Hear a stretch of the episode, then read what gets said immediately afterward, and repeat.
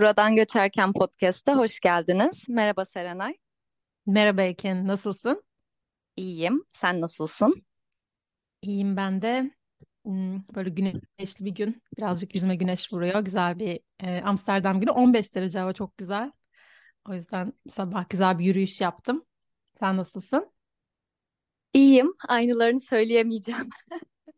Bayağı kasvetli, gri bir Hamburg gününden herkese merhabalar. Ee, şeyimden Siz de belli olduğu üzere. Ekin ya. Sürekli başka bir yerden bağlanıyorsun. Aynen evet. Bu aralar öyle oldu. Hamburg'dayım. Onun için de bu videodan kesitler yayınlarsak görecek zaten dinleyenler de. Mikrofonum bile yok. Telefonumla mikro, mikrofon yapıp öyle konuşmaya çalışıyorum. Aslında konumuzla da güzel bir şey var bence böyle ironik bir yerden. Ben şu an konfor alanımın çok dışındayım. Her şekilde yani mekansal olarak daha çok. Ee, podcast'ı da bu yani konfor alanının dışında bir yerlerden e, yapmaya çalışıyorum. Bakalım nasıl olacak. Evet. Yani bize biraz e, bahsetmek ister misin şu anda? Ne yapıyorsun Hamburg'da? İsterim bahsetmek. Ee, önce aslında Amsterdam'daydım. Hatta biz Evet. buluştuk ama çok yarım kaldı. Veda bile edemediğimiz e, ilginç bir Evet. buluşma yaşandı. Yarın görüşürüz deyip Bir sonra daha vedalaşamadık. Evet. o yarın hiç gelmedi. Ee, hastalıklar girdi araya. Ben aslında Amsterdam'a bir kış okulu için gittim. Göç çalışmaları ve kent çalışmalarını bir araya getiren bir kış okuluydu. Çok keyifli geçti. Benim vizyonumu gerçekten açtığını hissediyorum. Seninle bunu konuştuk. Ee, Biz sosyal bilimciler olarak daha böyle konseptler, kavramlar e, üzerinden bir şeyleri düşünüyoruz. Özellikle göç olunca konu bu kent çalışmaları içinde daha böyle coğrafya ve mekan üzerinden düşünmeye de yöneldim. Hatta şu hani o günden beriki düşünme e, tarzımı da biraz etkilediğini düşünüyorum konumuzla ilgili olarak da. Biraz daha mekan odaklı düşünmeyi deneyimliyorum. O da hoşuma gidiyor. Hani yenilik e, getiriyor gibi. Oradan da direkt Hamburg'a geldim saha çalışmam için. Daha önceden bahsetmiştim zaten ben İzmir ve Hamburg üzerine çalışıyorum. Mültecilerin e, iş piyasası katılımı ama bir yandan da tabii ki sosyal bu şehirdeki oluşları üzerine de e, anlamak istiyorum yaptığım mülakatlarda e, onların yaşantılarını. Böyle yani iki hafta oldu aslında yakında eve dönüyorum. Güzel Evet, yani. neresi orası? Biraz konuşalım. Ee, Evet. yani senin bu e, sürecine bir şekilde e, nasıl diyeyim dahil olmuş gibi hissediyorum. E, her ne kadar e, tabii ki de e, yani bu işin e, çok fazla ayrıntısı var. Seyahat ediyorsun, işte onu yapıyorsun, bunu yapıyorsun ama bir yandan da e, ister istemez hani bu kadar e, ne bileyim senin e, doktora yazım sürecinde veya doktora ile ilgili düşünme sürecine bu kadar dahil olacağımı düşünmezdim. O yüzden birazcık podcast özelinde de açmanı istedim. E, bence güzel oldu. İlgisini çekenler olur. Bir noktada e, kesinlikle senin test konunu konuşacağız bu bölümlerden birinde de. Şimdiden de. E, onu da geçirmiş olalım. Evet güzel yani seninle buluşma kısmı çok güzeldi. E, yani o yaz kış okulunda yaptıklarını anlattığın e, kısımlar güzeldi ama maalesef planladığımız gibi gitmedi. Ben hala biraz öksürüyorum kusura bakmayın. Sorun değil. Arada Olur böyle kendimi sessize şeyler. alacağım. E, Ama e, daha fazla beklemek istemedik. Bu bölümü yapmak istedik. Çünkü tam böyle e, nasıl diyeyim çok yerinde bir bölümdü. Sen buraya geldin. Burada bir sürü arkadaşların var Amsterdam'da. Sonra Kaan ve Mahur e, Berlin ve Nice'den bize katıldılar. Böyle bir e, reunion yaşandı. Ek olarak bir de çok yakın arkadaşların da buradaydı ve Instagram'da çok güzel bir şey yazdın sen. Kendi özel hesabında belki onu podcast'ta da paylaşırsın bir noktada. E, ya da burada konuşuruz birazcık. E, senin için gerçekten tam böyle bir hani o konforlu hissettiğin bir Evet. ortamdaydın. E, bana da tabii ki de ister istemez e, farklı hisler yaşattı. Buraya geldim iki hafta daha geçmemişti İstanbul'dan döndükten sonra. Bütün arkadaşlarım burada toplandı ve bu bana da çok e, güzel hissettirdi. E, o yüzden biz daha önce Instagram'da paylaştığımız sorulardan bir tanesinde aslında e, ben daha geçmişe gittim ve gördüm e, şeyden bahsetmişiz. Birisi arkadaşlıklarla ilgili bir soru sormuş ve biz de daha önce de e, Google Doc'ta yazdığımız yani taslak bölümlerden bir tanesi aslında. İsmini de konfor alanı ve arkadaşlar olarak düşünmüşüz. Ve daha sonrasında zaman geçiyor ve biz o dokümana bakmadan böyle bir bölüm fikri ortaya çıkıyor ve ben sonra o story'i görüyorum ve aa evet biz böyle bir şey zaten düşünmüştük aylar önce diyorum. Ve belki de neredeyse bir yıl sonra o taslak fikirden sonra tekrardan bu konuyu konuşmak için buradayız. Şöyle başla bölüme başlamadan önce e, kısa bir e, özet ya da nasıl diyeyim bir geri dönüşlerin üzerinden bir değerlendirme yapmak istiyoruz. Nazar bölümü hakkında. Evet. Çok güzel geri dönüşler aldık. İnanılmaz. E, bizim yaptığımız analizin üstünde analiz yapanlar mı dersiniz? E, işi toplumsal cinsiyet boyutunda e, biz zaten düşünmüştük ama onunla ilgili yorumlar da aldık. E, o yüzden onunla ilgili kısa bir e, değerlendirme yapacak Ekin. Ben ama ondan önce bir e, söz hakkı doğan anneme bir söyle bir şey söylemek istiyorum.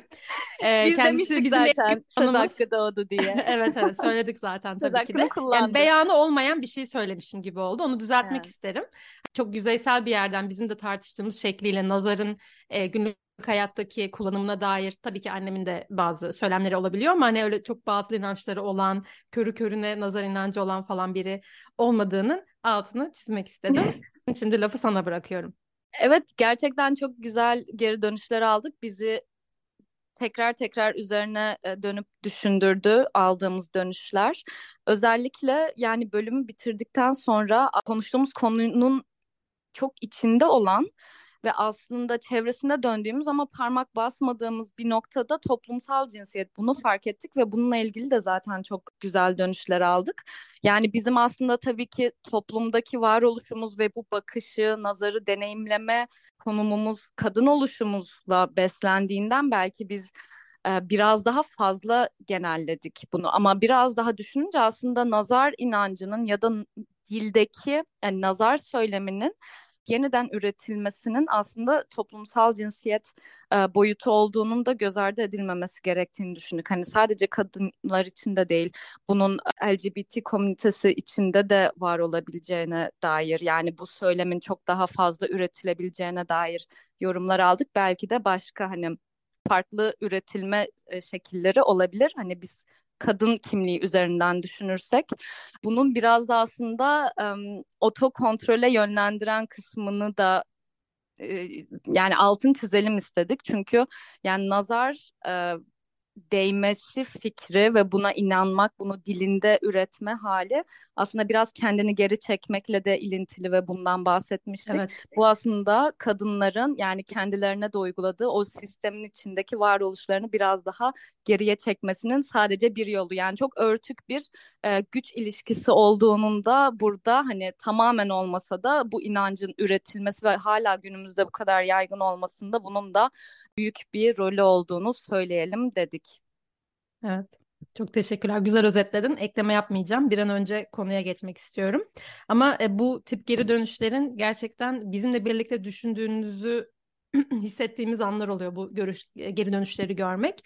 O yüzden e, yorumlarınız olduğunda, eleştiriniz olduğunda, belki de eksik söylediğimiz bir şey olduğunda vesaire mutlaka lütfen böyle geri dönüşlerde bulunun.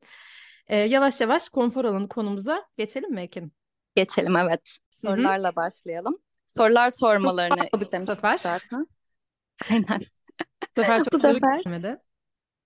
Ama istersen ilk e, böyle daha genel bir soruyla başlayabiliriz. Güzel arkadaşımız Ceren sormuş. Burada isimleri hep vermeyeceğiz sadece şimdi. E, Tanıdık olduğu için. Nasılsınız demiş. Nasılsın Ekin? Nasılım? Şimdi şuradan alalım o zaman bu soruyu konfor alanına da bağlayarak. Amsterdam'da senin de bahsettiğin arkadaşlarla e, sarmalanma durumu e, ve bunun yarattığı hisler yani o senin bahsettiğin Instagram postunda da aslında onu demek istemiştim. Yani bu kadar fazla hem çocukluğuma hem gençliğime hem yetişkin haya yetişkinlik hayatıma bu kadar dahil olmuş insanların aynı şehirde olması hissini ben unutmuşum. Böyle bir şeyin varlığını unutmuşum. Sen bir kere bahsetmiştin e, çok daha eski bölümlerde Berlin'de sen de aynı e, benzer hisleri yaşadığından. Yani bu bana çok acayip geldi, çok yoğun geldi. Yani hatta bir noktada sanki ben bununla baş edemiyorum, hani yetişemiyorum gibi geldi. Çünkü bunun bu kadar yoğun yaşanması, bu kadar fazla sevdiğin insanla aynı anda buluşabilme e, lüksünün olmasını unutmuşum hakikaten. Ama gerçekten çok güzeldi. Üzerine uzun uzun düşündüm, yarattığı hisler e, beni böyle sarmaladı. Bu benim için bir konfordu hakikaten. E, yani bir de Ceren'de kaldım, diğer Ceren. O benim çocukluk arkadaşım. Yani biz onunla e, Ankara'dayken yan yana otururduk. Evimiz bir 10 dakika yürüme mesafesiydi. Onun evinde kalmak bana yani kendi evime gitmişim gibi falan hissettirdi. Ee, sonrasında da işte Hamburg'a gelip sonradan tanıştığım birinin e, ama çok iyi anlaştık ve arkadaş oldum. E, birinin evinde kalıyorum. Onun için aslında eski e, seyahat deneyimlerimden daha az böyle konfor alanının dışına çıkmış hissindeyim şu an. Ama e, mesela geçen sene aynı rotayı çizdiğimde Hamburg Amsterdam e, şeyinde çok daha böyle evim evim diye yandığımı hatırlıyorum. Yani öyle evime döneyim, evime döneyim. Hani yine çok güzel zaman geçirmiştim ama çok ev özlemiyle hatırlıyorum o dönemi. Şimdi öyle Hı-hı. bir hissim çok yok. Tabii ki evime döneceğim için mutluyum ama bunu böyle bir yoksunluk olarak yaşamadım açıkçası bu sefer. Sen nasılsın? Sen bahset biraz da. Ben nasılım? Ben bunu, bunu biraz düşünüyorum son zamanlarda. Epey düşünüyorum. Bir sürü şey oldu. Olmaya devam ediyor. Yani hayat. Ee, ve şey hissettim. Uzun zamandır yeni bir e, albüm çıktı. Aralık ayında hayatımın böyle zor bir döneminde. E, Büyük Ev Ablukada'nın. E, çok da sevdiğim bir şarkısı var içinde. E, şarkı Beklediğim Gibiyim. Çok seviyorum şarkıyı. Fakat e, şarkıda şöyle bir şey yaşıyoruz. E, hayatımın o kadar beklemediğim gibi olduğum bir dönemindeyim ki yani şarkıyı söylerken içimden sürekli nakarat kısmında beklemediğim gibiyim diyorum ve bunu aslında güzel bir yerden de söylüyorum. E, böyle son zamanlarda hayatımda olan şeylere verdiğim tepkinin çok beklemediğim gibi olduğunu hissediyorum. Yani daha önceden düşündüğümde böyle sanki hmm, nasıl diyeyim e, felaket senaryoları vesaire bunların başıma geldiğinde çok soğukkanlı bir insan olabileceğimi düşünmezdim.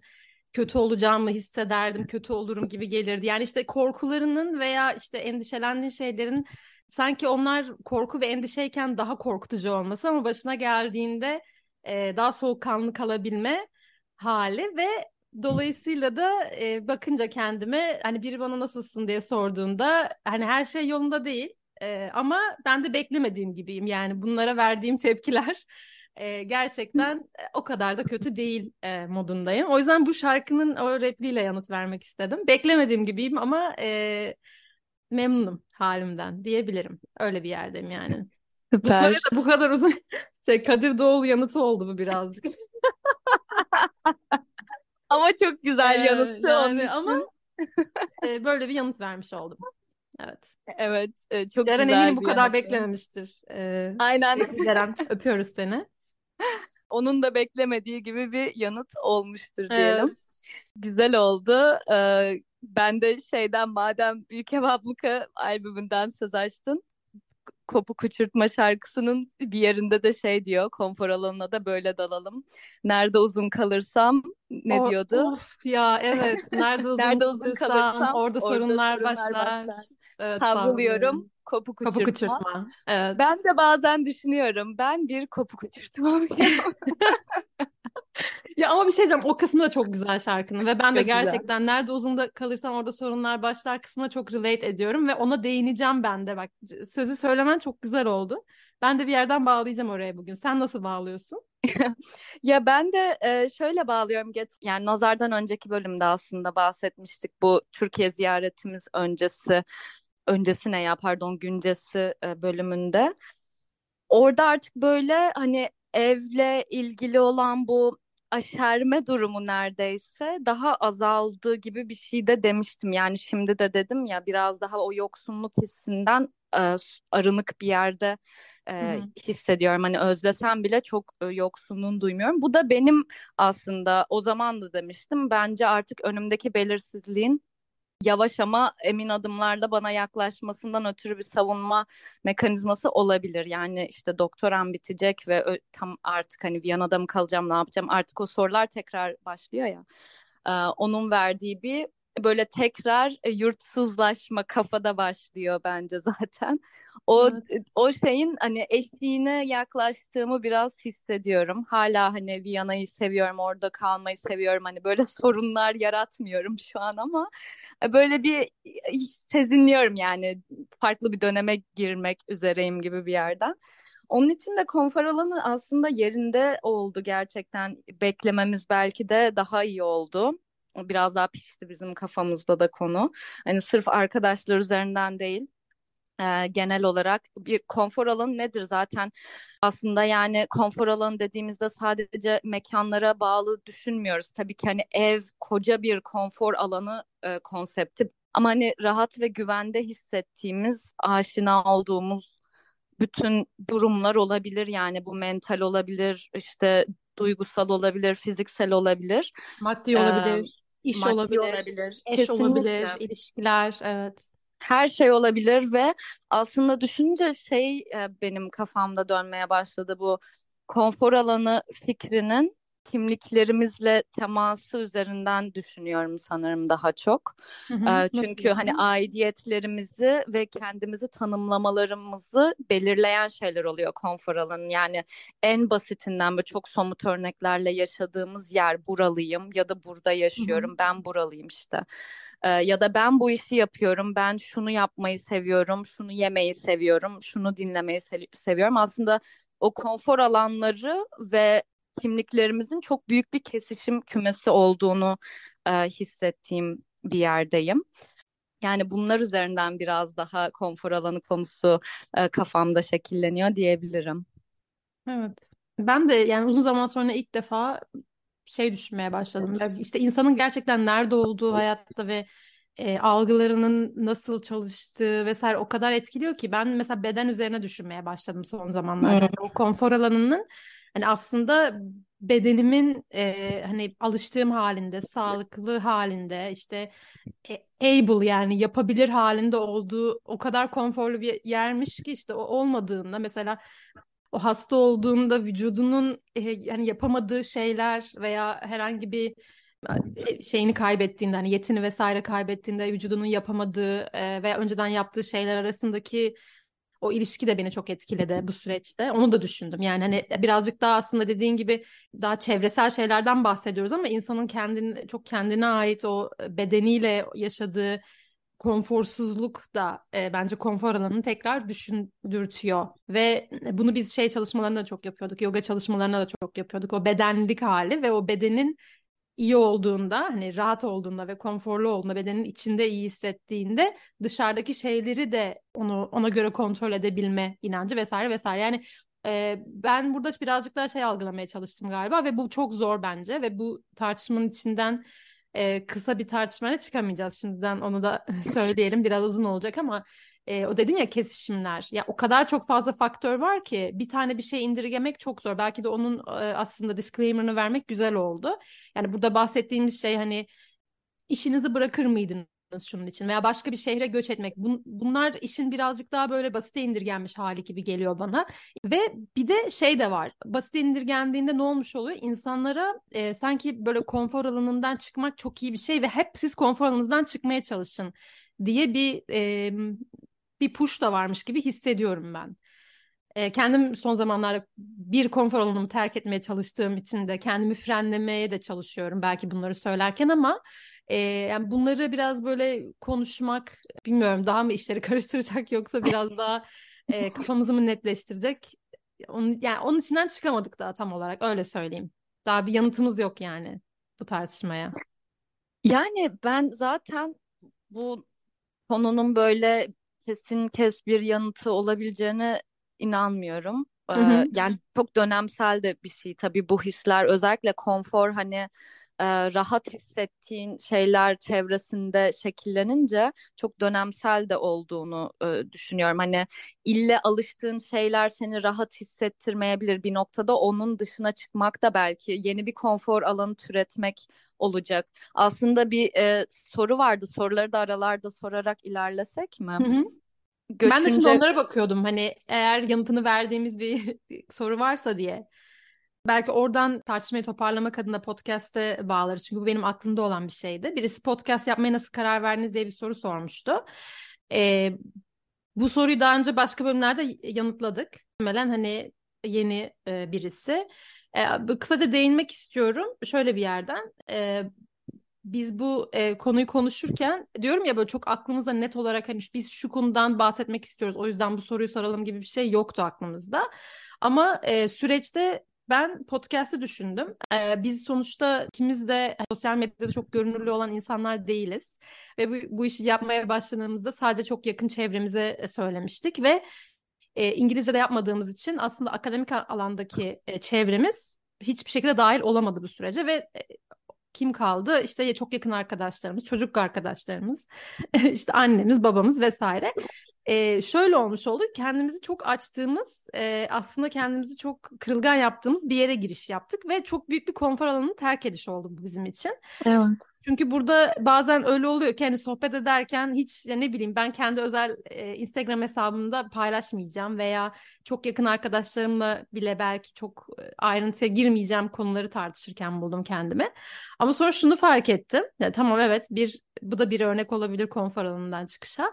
Ama öte yandan bir podcast'te de müthiş bir konfor alanı oluşturmuşuz ki e, biz burada konuştuğumuz konulara ve bu alana e, hani hem çok saygı duyuyoruz hem de bu alanından herhangi bir şekilde feragat etmek de istemiyoruz. Yani burası da kendi içinde bir konfor alanı olmuş oldu. Bazen konuşacağımız konulara ekinde şey diyoruz hani podcast'ta saklayalım hani orada konuşalım. Sanki burada buluştuğumuzda etrafımıza böyle bir e, perde çekiliyor ve e, işte terapideymiş gibi bir e, alan olmuş oluyor.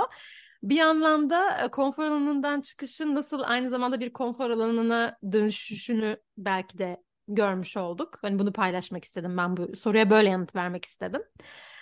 Yani böyle.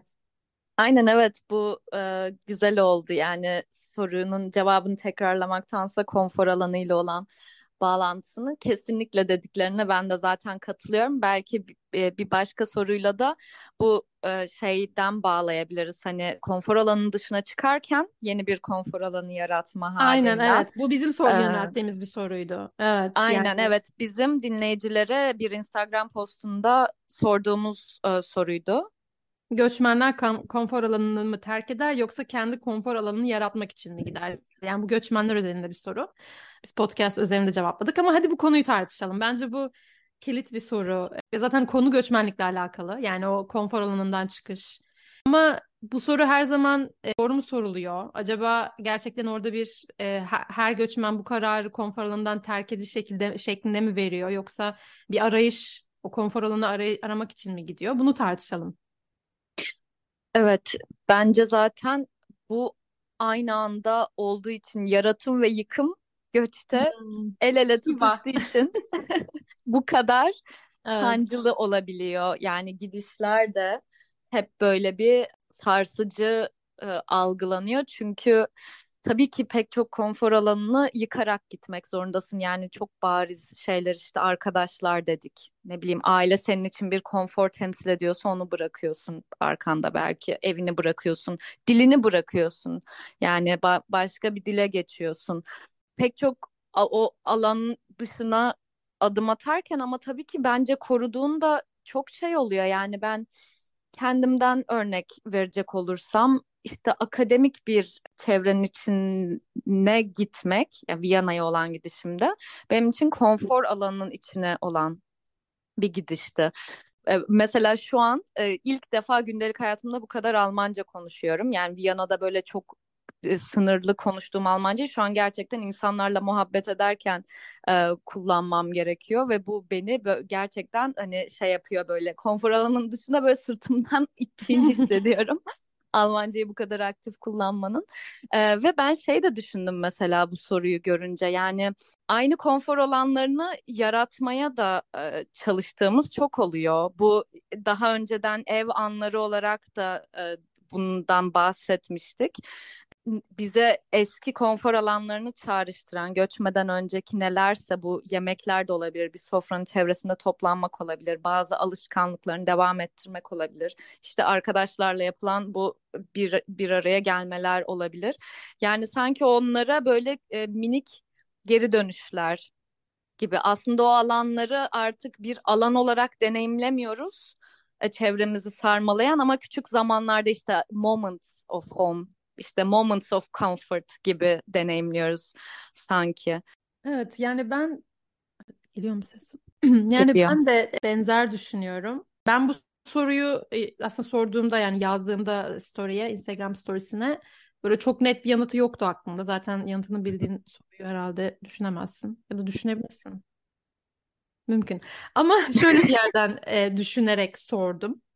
E, hani biz çünkü genel algıladığımız hani bir göçmenin veya kendi özelimde söyleyeyim hani benim e, göç e, hikayeme bakarsam e, hani birazcık böyle arkadaşlarımın da ailemin de böyle hani biraz yerinde duramayan biri olarak görülüyorum ben. Hani yerime biraz sığamayan işte e, olduğum mahalleye de sığamam. Hani onu da aşarım. Ondan sonra işte okula giderim, üniversitede onu da aşarım. İşte onu da yaparım. Hani hep öyle görülmüş biriydim ve hani sanki böyle birazcık kurtlu e, diyelim. Um, Ondan sonra ben de bunu düşündüm gerçekten kendi özelimde de sonrasında. Hani e, sanki böyle bir ne zaman nerede bir yerde nerede bir yerde uzun kalırsam orada biraz sorunlar başlar ve kımıl kımıl ben e, savrulmaya çalışırım gibi bir kopuk uçurtma misali. E, nereye bağlayacağım bunu acaba? Şu an savruluyorum gerçekten. Şöyle şuna bağlayacağım. Yani böyle yerinde rahat duramayan e, biri olduğumu hissediyorum. Sanki göçmenlerin de veya işte göçmenler parantez yani tırnak içinde böyle maceracı tipler hani gibi algılanıyor ya işte hani e, gidiyorlar ediyorlar falan. Ben bunun bir arayıştan olduğunu e, düşünüyorum. Yani bir e, buna aidiyet arayışı diyebilirsiniz. Buna ne aradığını bilmemek de diyebilirsiniz. Hani bir konamamak, bir yerde uzun süre kalamamak. Bu soruyu düşünmüştüm. Yani Hani sanki o git o bitmeyen bir şey. Yani konfor alanı arayışında ama tekrardan nerede bir yerde konfor sağlanıyor orada tekrar e, illaki sorunlar başlar ve tekrardan gitmeye devam etme gibi e, algıladım ve ben böyle olduğunu düşünüyorum. Ben bunu bir bölümde de e, hangi bölümdü ya? Galiba Onur Eylül bölümünden sonraki bölümde konuşmuş olabiliriz ve o bölümde yani birazcık böyle e, sanki göçen insanın e, zaten e, sanki doğasında yani bu kelimeyi de sevmem ama böyle içinden böyle geliyor hani bir hareket halinde olma, sürekli e, bir arayışta ve sürekli bir yerlere gidiyor halinde olma, olma gibi düşündüm. Ve e, konfor alanı her insanı konforlu hissettirmiyor. Bazı insanın konfor alanı konforsuz olmak. Biraz daha o böyle hani hayatın e, şeyine düşmek. E, nasıl diyeyim? Şey gibi mesela evine istediğin gibi döşersin. Çok basit bir örnek vereceğim e, somutlaştırmak için. Ama böyle tam böyle her şey yeri yerli yerindedir. Her şey satıldır böyle istediğin gibidir. Ama sonra takarsın hani hep aynı görünüyor dersin. Koltuğunu yerini değiştirirsin. Konfor alanında olmak da öyle bir şey. Yani bazı insanlar değişimin sürekli olmasına karşı bir şeyi var gibi geliyor bana. Ben de benzer bir şeyler düşündüm. Yok yok ben anladım gittiğin yere. Bana da benzer şeyler düşündürmüş bu konfor alanı.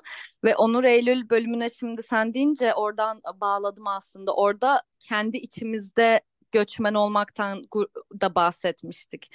Gurbetin kendi içinde olması yani kendi karakterinin de o değişimde, arayışta, dönüşümde olması hali aslında çok önemli. Yani çünkü en başta da dedim yani konfor alanının kimliklerimizle çok büyük bir örtüştüğü alan var. Çünkü biz benliği bir birlik olarak e, algılamak istiyoruz. Bir böyle unity, bir tek bir e, yani bir ben varsa o bir birdir, homojendir gibi algılamaya meyilliyiz. Bu daha işte o konforu yaratan da o zaten. Biraz eminlik getiriyor işin içine. Bir güven getiriyor bunu böyle algılamak. Ama böyle olmalı mıdır? İşte o benliğin değişmesi içinde de o değişimin içinde de bir konfor hisseder misin gibi. O Onur Eylül'le konuştuğumuz zaman da bu muhabbet çok hoşuma gitmişti.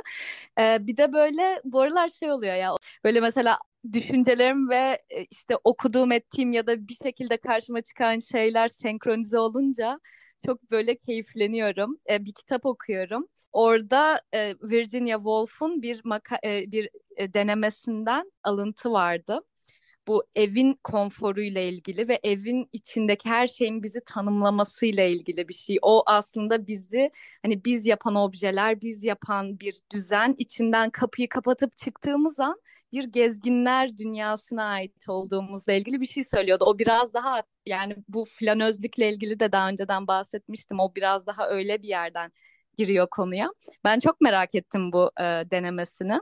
Açıp baktım ve orada şöyle bir şey diyordu. E, senin dediğin şeye de tekrar bağlanıyor. Bu denemenin adı da street haunting böyle sokağa dadanma gibi bir şey olarak çevrilebilir. Türkçe'ye ben çevirdim onun için umarım anlaşılır.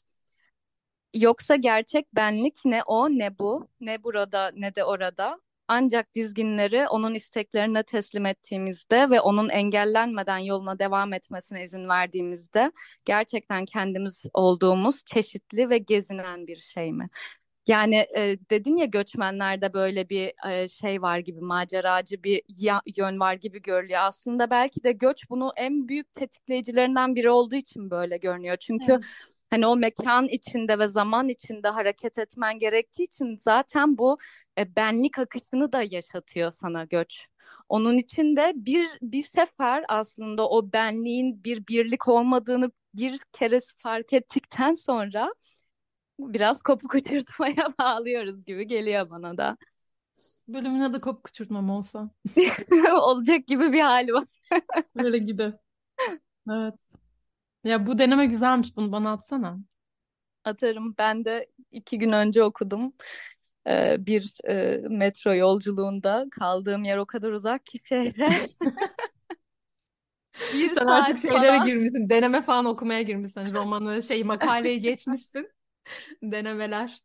Denemeler evet. okuyorum. Ya çok güzel bir e, yani eminim birçok insanda e, bir sürü şey uyandırmıştır. Ben de uyandırdı. Çok güzel bir ekleme oldu. Teşekkürler paylaştığın için.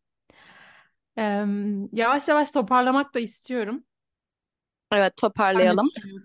Ee, evet. Sorulara bakıyorum. Hani bir şey e, böyle kısaca yanıt verebileceğimiz veya e, toparlarken birkaç soru daha var çünkü sizden gelenlerden. Ee, mesela şunu okuyabiliriz belki. Göçünce terk ettiğiniz en büyük konforunuz nedir? Ha, ben de tam bunu okuyalım diyecektim. Var mı hazır bir cevabın? Yok sen git önce. Benim de öyle çok hazır bir cevabım yok ama yani böyle çok e, inovatif bir cevap vermeyeceğim. Çok konuştuğumuz bir şey aslında dil yani Türkçe olmak bence çok büyük bir konfor alanının dışına çıkmak. Yani ki hala konforlu hissettiğim bir dilin içindeyken İngilizce de zaten hani Türkiye'deyken de hayatımın çok büyük bir bölümünde İngilizce vardı. Ama yine de yani onun dışına çıkmak sanki kendimin de işte dışına bir adım atmış ya da kendimin işte o değişimine çok net tanıklık ettiğim yerlerden biri. Bunu çok ilk bölümlerde de söylemişimdir. Hani Türkçeki Türkçedeki varlığım e, farklı. Yani İngilizce'de farklı, biraz daha farklı. Tamamen kopuk insanlar değil tabii ama yani terk ettiğim en büyük şeylerden biri bu sanırım. Evet. Senin nedir? Kesinlikle. Var mı? Yani ben bunu nasıl algıma, algılamam gerektiğini bilemiyorum bu soruyu. Yani pozitif bir yerden mi, yani negatif bir yerden mi? Çünkü şey gibi yani bir geride bıraktığımız şey konfor alanımızdan çıkıp, çıkmaya e, sebep olup bize iyi gelmiş de olabilir. Mesela bence evet, doğru kesinlikle diyorsun. bunlardan biri. Hani yurt dışında yaşamasaydık bu kadar e, İngilizce dilini bu kadar iyi konuşabilir miydik? E, bilmiyorum. Ben bunun bana katıldığı için memnunum bundan bir yandan pozitif bir şey olarak görülebilir ve ilk yıllarında işte özellikle üniversiteye çalışmaya başladığım zaman oradaki deneyimlerim vesaire kesinlikle bunu çok pozitif ve çok iyi bir şey olarak görürken son zamanlarda bunun ben de şeyini yaşıyorum hani ya hani gerçekten büyük bir fedakarlıktı aslında e, bu çünkü evet İngilizceniz gelişiyor ama e, Türkçe'de yapabilecek yapabileceğiniz her şey ortadan kalkmış oluyor sanki ta ki e, podcast'te başlayana kadar. Kesinlikle e, bana çok öyle. iyi gelen bir şey oldu. Hani o açıdan bir kazanım olarak görebilirim ve öyle devam edebilirim dil konusuna. Buna verecek benim şu an çok başka bir yanıtım yok. Yani ben de dil diyorum gerçekten. Çünkü şey sonuçta hani e, bunu şey olarak yan- yanıt vermek istemedim. Hani geride bıraktığım insanlar gibi. Çünkü geride bıraktığımı düşünmüyorum kimseyi. Aile, arkadaşlar. Hani onlarla olan ilişkilerin tabii ki de bir şeylerden mahrum kalıyorsunuz. Bazı şeyleri tanıklık edemiyorsunuz onların hayatlarına vesaire ve onlar sizin hayatınızı edemiyor. Evet ama bunun konfor alanıyla bir alakası yok bence. E, bir- bence konfor alanı biraz gerçekten hani o e, alışkanlığınızı geride bırakmak. O da dil. Evet. Çok büyük bir e, konfor alanından çıkış ya da terk ediş diyebiliriz. Aynen evet. Ee, Bir öyleyse soru vardı. Yokmuş, hayır. Tamam. O kadar çok konfor alanı şeyler yazmışım ki böyle sanki bir sürü şey varmış gibi geldi ama bizim sorular vardı. Tamamladık.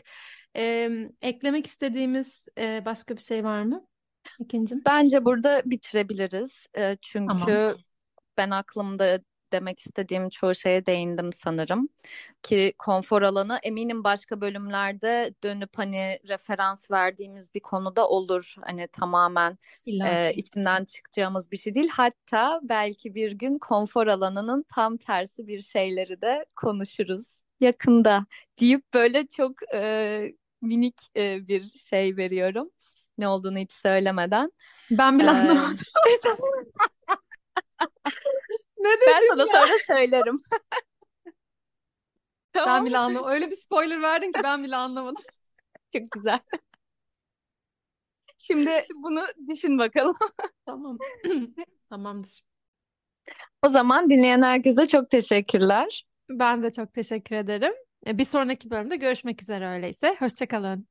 Görüşmek üzere.